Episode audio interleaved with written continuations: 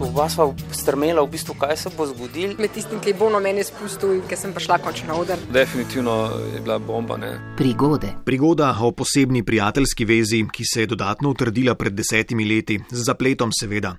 Uroš, tokratni sogovornik in njegov kolega Kristjan sta v srednji šoli odkrila skupino Flogging Molly. Nad glasbo sta bila tako navdušena, da sta se odločila za nakup puloverjev z njihovim logotipom, kar pa ni bilo tako enostavno kot danes. Glih v luči tega, da pri nas to ni bilo možno dobiti, sva iskala alternative, našla sva jih šele v Ameriki. In to mislim, da je bilo tam nekje leta 2004-2005, ko PayPal in te stvari pri nas še niso bile tako znane. Nakupi preko spleta s karticami so bile pa tudi še malce tabu tema. Zato nam je na kraj pametni padlo, da bi staršem mogoče rekla, posodite nama kartico, da bomo mi dva z Amerike poloveri naročvala. Tako da smo pa iskali in študirala. In, uh... in rešitev našla v okviru šole. Na njeni gimnaziji so računalničari ustanovili skupino Gim Team in ker sta tudi večino prostega časa preživela s to skupino, sta puloverje naročila kar na gimnazijo. Deva mi dva to, ker sem na gimnazijo naročiti, ker smo itak ves čas tukaj, pa bova takoj dobila, da nas ne bo pošta riskov doma, pa da bo pa še en dan brez puloverja, ki se bova iskala. Tako da so se pa odločila, da bova mi dva lepo natisnila naročilnico za dva puloverja. In uh, naslednja faza je bila, da smo šla do menjalnice, uh, zamenjala valuto, kupila dolarje, dala vse skupaj lepo v kuverto, uvila predtem še v časopisen papir, da se ne bi videl uh, denar, uh, odložila na uh, pošti in upala na najboljše. Tako da potem smo dolgo, dolgo časa čakali, no, mislim, da ne dva, tri tedne, uh, pa ni bilo nič odgovora, pa nič. Pulover vendarle prispe. Dobila sva pismo, tajnica naj je obvestila, mi dva se letela v tajništvo, bila sva fulno odušena ampak tam ni pričakal paket, ampak naj pričakal, pričakalo pismo z carine, da rabimo predložiti uvozne dokumente.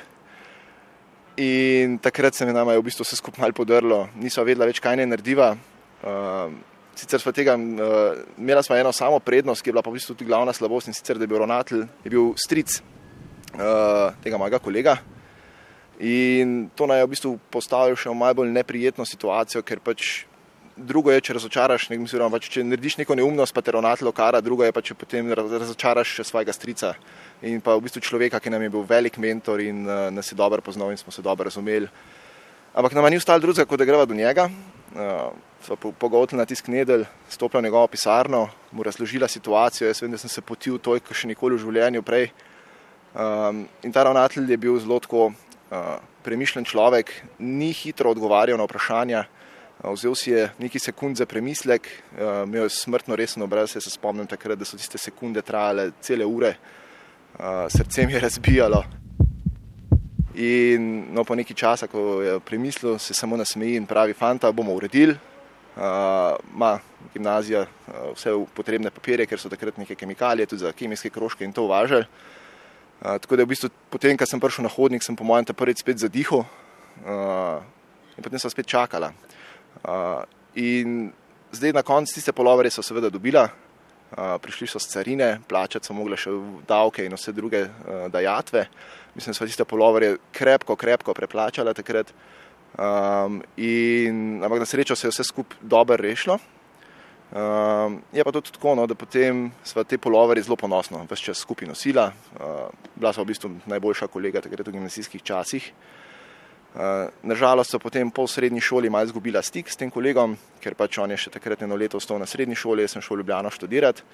In nekaj let kasneje, eh, potem ko smo tam pa tam kakšen stik imeli, je odjeknila novica, da, eh, ravnatelj, da je ta ravnatelj zbolel za rakom in je potem to bitko nažalost sicer na koncu izgubil.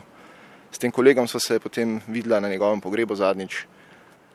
In takrat sva debatirala o tem, da se je pa treba zdaj dobiti za kakšno bolj lepo priložnost, pa nažalost tudi za to ni bilo časa, ker je dva meseca kasneje pač tragično preminil tudi moj kolega Kristjan, ki je uh, v bistvu pilotiral letalo, pa se pač nekje očitno nekaj zalomilo in je strmoglavo in preminil. Jaz sem bil takrat v službi, on je strmoglavo nekih 100-150 metrov tam stran od tam, kjer sem jaz delal, tako da ti zdaj sem zaključil šel domov. In v bistvu je bila ta zgodba potem zaključena, ampak še vedno mi ostaja ta polover, še vedno mi ostajajo lepi spomini na srednjo šolo, na ravnatla Marjana in pa na mojega kolega Kristjana in ta polover ostaja v moji umari zavedno. Opis, povzetek prigod lahko pošljete na najc.jemecaf na rtvslo.si ali pa pokličete na nič 1 475 2 202.